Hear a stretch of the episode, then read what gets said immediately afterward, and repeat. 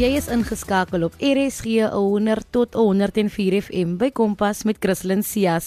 Ons gesels vanaand met 'n derde jaar kindstudent oor haar geestesgesondheid en die impak daarvan op haar studies.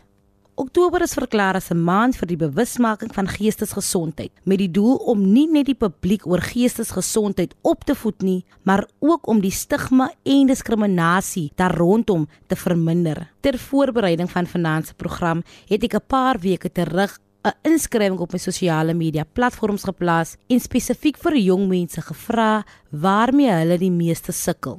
amper almal het dieselfde antwoord gehad: geestesgesondheid. Ons kon dus eenvoudig nie anders as om die belangrike kwessie aan te spreek nie. Vanaand gesels ons met 'n student oor die impak van haar geestesgesondheid op haar daaglikse lewe en studies. En 'n sielkundige kom deel haar insaag oor geestesgesondheid en nog waardevolle inligting. Hallo en welkom by 'n Kompas volrigtingsprogram saam met my, Christlyn Cias. Kom ons kyk in watter rigting die wind ons vanaand waai. Jy kan regdeur die program jou gedagtes deel op 45889 teen R1.50 per SMS of tweet ons by ZARSG. Jy kan ons ook vind op DStv se audiokanaal 813. Kom ons wees geëerlik. Geestesgesondheid is nie iets wat altyd openlik bespreek word nie maar vanaand pak ons die bil by die horings. Megan Adendorf is tans 'n derde jaar kunststudent aan die Universiteit van Weskaapland. Sy is in haar tienerjare met depressie gediagnoseer en sukkel sedertdien daarmee. Vertel ons 'n bietjie meer oor jouself. Ek is Megan Adendorf, ek is 22 jaar oud. Ek is 'n derde jaar kunststudent aan die Universiteit van Weskaapland en ek hou van skryf. Dit is maar wie ek is. Megan, jy ly aan depressie. Op watter ouderdom het jy dit besef en hoe het jy dit besef? Depressie is mos maar iets wat oor 'n mens skaam is, you know, maar ek het al vanaf toe ek matriek was begin besef was iets fout met my want kyk my matriek as kind ook was 'n flop omdat elke keer as ek na die aandie toe gegaan het, dan was ek net 'n bietjie mader en 'n bietjie mader en ek het nie geweet hoe kom ek so maar word en you know, uit was ek maar nog baie jonk en ek het nie nog so aangedink dat ek heel moontlik depressief kan wees en dit was in 2018 ek het, 'n groot omswaai gehad. Want ek het net begin doen wat ek wou ek het begin rook ek het begin drink ek het begin plekke gaan waar ek nie normaal gaan nie ek het nagte weggebly ek het net nie meer gewaar nie you know. Dit was net vir my is 'n gat in my bors en ek kan nie explain waar nou wat kom is en toe het ek in 2019 begin studie en my lewe het begin stadig word want ek was nou besig en moeg van trein wat en so en ek het myself vergooi in my akademie. En na jaar het ek besef ek het nie eintlik meer lewe nie. Al wat ek doen is soggens vroeg op trein vat, skoolweek doen, naweek as ek moeg ek slaap en naweek om en ek besef nou as ek 2019 vir granted gevat as ons nou na kyk na hoe het, as en hoe mense nou ingeperk is want in hy het ek myself ingeperk en in 2020 ek het so gekonfronteer met dood, siektes en alles daai dat ek myself begin sny het. Ek het die blyd gevat en my arms begin krap en en nou het dit net vir my gevoel ek het niemand because ek was net close met een een ou hy was my beste vriend en in 2018 het ek hom ook weggedruk en ons pa jy het geskei en ons praat nou weer met mekaar en ek is nou alright maar en hy sê alles was net duister en donker en 'n mens het net nie geweet wat dit is of wat om dit te noem nie want niemand niemand wil sê ek ek voel depressief of ek, ek is depressed of ietsie want as asof mense dink jy soek aandag maar is net asof jy in 'n gat is en hy donker gat blok almal uit wat naby jou probeer kom. Wat nou vir my so treffend was was toe jy genoem het dat jy eintlik ingeperk was nog voor die inperking. Nee, ja, basically dit is nie iets waaroor mense gewoonlik openlik gesels nie. Was dit vir jou aanvanklik moeilik om teenoor iemand te erken dat jy aan depressie ly en dat jou geestesstoestand vir jou probleem is? Kyk, ek het 'n neef wat ook om self sny en en ek het ek het ek het actually so 'n moron opgetree en my my let so weggesteek en vir hom gesê, "Oh my word, jy's depressed." En know, so die tipiese moron idiotiese gedrag en en hy het dit ontken en agterna het ek maar vir hom my skaars ook gewys en ons het nooit regtig oor gepraat nie maar dit was net nice om te weet sy is alleen as iemand wat dieselfde goed face as sy het vroeër genoem dat jy jouself letterlik ingegooi het in jou studies Hoe het jou geestestoestand op daardie tydstip jou studies beïnvloed? Ek is een van daai mense wat letterlik af switch. Dat ek fully en ek gee nie vir myself 'n kans om stil te sit nie. Ek is net letterlik besig, heeldag, heeldag so besig. Dat as ek vanaand gaan lê, dan kry ek die kans om te dink. Ek kry nie kans om te voel as ek my kop neersit, dan moet ek sukkel om my gebed klaar te kry van ek is te moeg. So ek het nie my geestestoestand reg kans gee om in te tree nie, want kyk, soggens 05:30 was ek al op. Ek het gewas, ek het die trein gevat by Havel toe. Op die kampus het ons ons werk gedoen. By die huis gekom, weer deur my boeke gegaan en ek het skry tuis het gegaan en in donker weer teruggekom en in hy donker tyd was my boeke deur kyk, bietjie TV kyk, gaan slaap. So ek het nie regtig die donkerte toegelaat om uit te kom in hy tyd nie. Megan, dink jy die uitdaging van student wees en die konstante veranderinge gedurende die laaste 2 jaar het 'n beduidende impak gehad op jou geestesgesondheid? Beslis, ek sal beslis sê want in 2019 het ek somehow gekoop deur myself in te perk en toe te wy aan my studies. Maar toe COVID-19 ons nou werklik inperk, toe het ek nou nie meer so baie gehad om te doen nie. En daai is waar ek nou weer begin knak het en hoe ek begin het om myself te sny want 2018 en 2019 het ek nie gekrap aan myself en myself fisiek leed aangedoen nie. Jy het vroeër gesê toe jy en jou neef gesels het, het jy vir hom ook jou letsels gewys na jouself gesny en hy het aan jou syne gewys, maar jy het ook genoem dat jy nie graag daaroor gepraat het nie. Nee, dit is maar iets waaroor ons altyd skaam was en hy het dit nou spraak nou nog ja oor nie. Sou jy dan nou sê dit is steeds vir jou moeilik om uit te reik na iemand vir hulp indien jy hulp sou benodig? Ja, beslis, ek is die tipe mens as ek nou nog ewen as ek afvoel dan sluit ek almal uit. En enige een wat naby my kom ek verskree hulle want ek wil net alleen wees en ek weet as ek jou gaan verskree gaan jy my uitlos. Is vir my moeilik om om hulp te soek van enige een af want ek praat nooit oor die goed wat ek face sou jy dan nou sê daar is genoeg opvoeding rondom geestesgesondheid?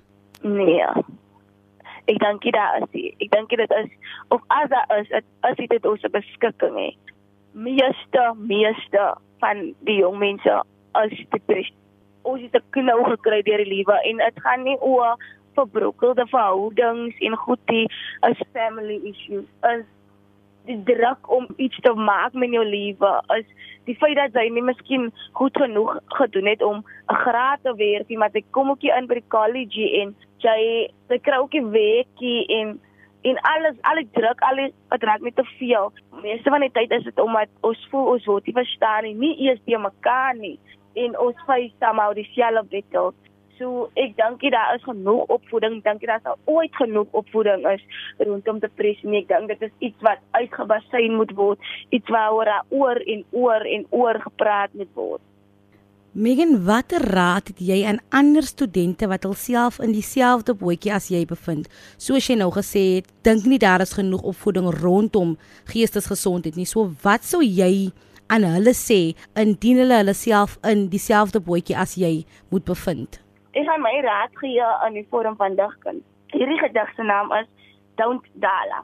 As Bernardo vir jou 'n lullaby wil sing, en die blyheid beloof om jou pyn tot op 'n punt te bring. Vir elke hinker na die tou moet jy onthou daar is mense wie in een sal stort as jy moet ingaan. Probeer tog verstaan dat jy lewens sal verwoes deur van die vysoue van die lewe te probeer kus en 'n one way ticket hell to the book. Don't dala. Shoemaker, jou gedig is een wat my hartsnare laat roer het. Baie dankie dat jy by ons aangesluit het. Megan se storie is een wat 'n mens opnuut weer laat besef hoeveel tekens misgekyk kan word. Dit is egter ook 'n storie van hoop, een wat 'n mens ook laat besef dat daar wel 'n lig aan die einde van 'n donker tonnel is. Adeldo Toy, woordvoerder van die Suid-Afrikaanse Rooibosraad, sê meer en meer navorsing ondersteun die belangrikheid van 'n gesonde leefstyl insluitend tee drink as 'n manier om depressie af te weer rooibos tee om meer spesifiek te wees. Interessant nê? Nee? Jaap rooibos tee jou ontspan en het jy dit al probeer? Gesels gerus saam en stuur 'n SMS na 45889 of tweet ons by ZARSG. SMS se kos R1.50 elk. Jy kan ons ook vind op OpenView kanaal 615. Hanelie Spies, 'n sielkundige, sluit nou by ons aan om te gesels oor die belangrikheid van jou geestesgesondheid en sê kom gee raad aan iemand wat vanaand dalk in 'n donker gat vasgevang is. Baie welkom hier by ons Hanelie. Hallo Christlyn en hallo luisteraars. Dis vir my absolute voorreg om vanaand hier saam met julle te wees. Hanelie, vertel ons 'n bietjie meer oor jou werk en hoe lank jy al in hierdie bedryf werksaam is. Tans is ek 'n opvoedkundige sielkundige wat in die mooi dorp, studente dorp Stellenbosch bly in die hart van Stellenbosch. Ek bly tussen vyf of ek werk tussen vyf bekendste skole in Suid-Afrika en ek is loopafstand van die universiteit van Stellenbosch af. En ek werk al vir jare met kinders, adolessente en jong volwassenes uit persoonlike ervaring en observasies. Hoe kan 'n geestesversteuring 'n persoon se daaglikse lewe beïnvloed? As 'n sielkundige of 'n psigiater 'n diagnose maak, is een van die belangrike goed waarna ons altyd kyk, tot watter mate word jou funksionering geaffekteer. En 'n geestesgesondheid kan ons dan dus sê affekteer jou funksionering op sosiale vlak, Dit sal studente byvoorbeeld akademies affekteer, dit affekteer jou werk en jou verhoudinge, jou verhoudinge met jou gesin en jou maats en jou kollegas. En ek sou sê jy bereik nie jou potensiaal nie. Jy leef nie jou volle potensiaal uit nie. 'n Verdere ding wat ek geobserveer het is daar meer eetversteurings is want baie keer hou 'n eetversteuring verband met boredom. Jy weet dat hulle ehm um, verveeld is hulle is in hulle huise en hulle hulle daar's meer kos beskikbaar. Hulle oefen minder. En jy weet so daar's of hulle eet te veel. Ek het gesien um binge eating het baie toegeneem. Wat ook maar verband hou met die angs en die frustrasie wat hulle ervaar en eet om hulle self beter te laat voel. Die kinders wat die meeste of die studente wat die meeste gesukkel het, dink ek is die se wat ADHD aandagtekortversteuring het. Want jy kan net eenvoudig jou indink onder normale omstandighede sukkel hulle om om te konsentreer of om by te hou met hulle werk. Nou is hulle geïsoleer in 'n kamer en al daai aandag af, jy weet al die afleibaarheid wat rondom hulle is is meer as wat meeste mense kan hanteer. Ek kan net dink hoe erg was dit vir hulle. Na afleiding van wat Megan vroeër gesê het, kom 'n mens agter dat baie studente sukkel met hul geestesgesondheid. Hoekom sou jy sê is dit jy studente wat tans sukkel met hul geestesgesondheid? Christlyn, dit is 'n baie gelaaide vraag. Wat gebeur het in COVID is die studente het geen vryheid meer gehad nie. Hulle het geen beheer meer gehad nie. En daar was geen orde in hulle lewe meer nie. Onthou, studente was tot nou toe by hulle koshuise en by klasse, hulle kon hulle eie besluite neem. En skielik is hulle nou weer terug by die huis. So daar's 'n verskeie goed wat ons gesien het wat hier gebeur het. So in die eerste plek het angstigheid toegeneem. Die angstigheid het te doen met die feit dat hulle daar onsekerheid is. Hulle het as gevolg van die feit dat hulle terwyl hulle studeer, daar soveel goed is wat hulle aandag aftrek, het hulle meer begin om om te jy weet om nie te werk soveel insette te lewer soos wat hulle behoort nie. Hulle het uit meer uitgestel want daar's soveel goed wat hulle aandag aftrek. En dit het veroorsaak dat hulle byvoorbeeld meer druip. En dit in sigself het hulle nog meer angstig gemaak.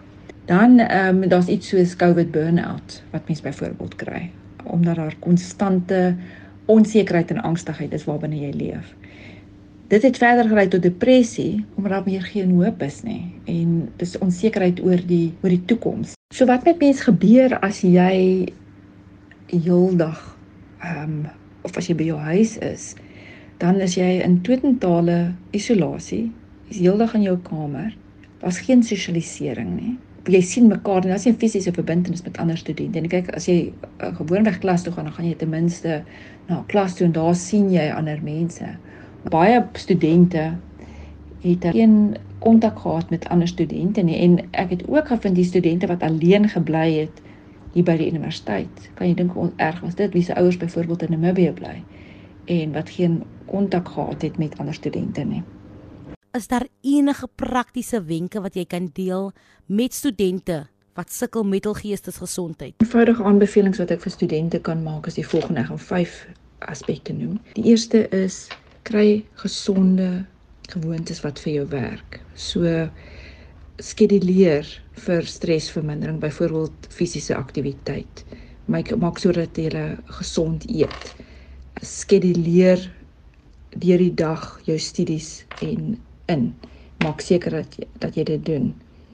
Die tweede ene bou ehm um, meganismes waarmee wat jou gaan help om jou te te beskerm en uh, of jou coping skills. Soos byvoorbeeld diep asemhaling, mindfulness, gratitude om net dankbaarheid te hê en te dink aan waarvoor jy kan dankbaar wees en om negatiewe gedagtes te probeer verander na positiewe gedagtes. 'n Derde ding is kry 'n plaaslike gesondheidsondersteuning stelsel. Byvoorbeeld in skole die voorligtingdienste wat binne julle dorp is of wat op die kampus is gaan besoek die dokter en deel jou gevoelens met die dokter en 'n mens kan self na die apteek toe gaan. Maak seker dat jy 'n ondersteuningssisteem het. Bekom raak betrokke by die kampus, ontmoet nuwe mense en hou uh, kontak met positiewe mense in jou lewe. En die vyfde ding wat ek wil sê is moenie wag om hulp te soek nie. As jy voel jy's depressief, gaan soek hulp op die kampus, by die kerk, sê vir 'n vriend, sê vir jou dokter, sê vir jou werker, sê vir die dosent en deel daai um, simptome wat jy het. Daardie wenke was nou prakties en redelik doenbaar. Wat is jou raad aan iemand wat dalk vasgevang is in 'n donker gat en nie weet hoe om by die lig uit te kom nie? Die eerste ding wat ek sal aanbeveel vir iemand wat in 'n donker gat is, is om te begin deur dit vir iemand te sê om om eerlik te wees oor jou gevoelens. Om te sê hoe jy voel. Foon te neem en iemand te bel wat jy weet sal luister. Aanbevelings vir studente is onmiddellik om orde in hulle lewe te kry. Om seker te maak dat dit wat hulle van hulle verwag word gedoen word en dat hulle nie uitstel nie Dit was nou waardevolle en dalk net lewensreddende inligting. Baie dankie Annelie.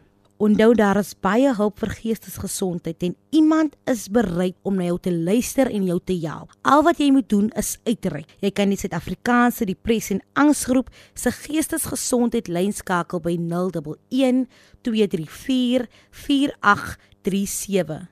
Die belangrikste is dat jy na iemand uitreik en praat. Geen mens is 'n eiland nie en elke dan en wan het ons almal 'n helpende hand nodig. Dit is dan die einde van vanaand se program. Indien jy enige van ons programme gemis het of net weer daarna wil luister, kan jy dit aflaai op www.rsg.co.za. Klik net op die potgooi skakel en soek onder K vir Kompas. Kompas word aan jou gebring deur SABC Opvoedkunde. Jy kan enige vrae of voorstelle stuur na die e-pos christlincias1@gmail.com. Moenie vergeet om die naweek liefde en lig te versprei nie. Dit kos jou immers niks. Net so kwart voor die naweek afskop. Hier is Brian McKnight se win. Moet jy ook nooit hoop en geloof verloor nie. Van my, Christlyn en die span hier by Kompas. Geniet julle aan verder en 'n veilige feestelike naweek.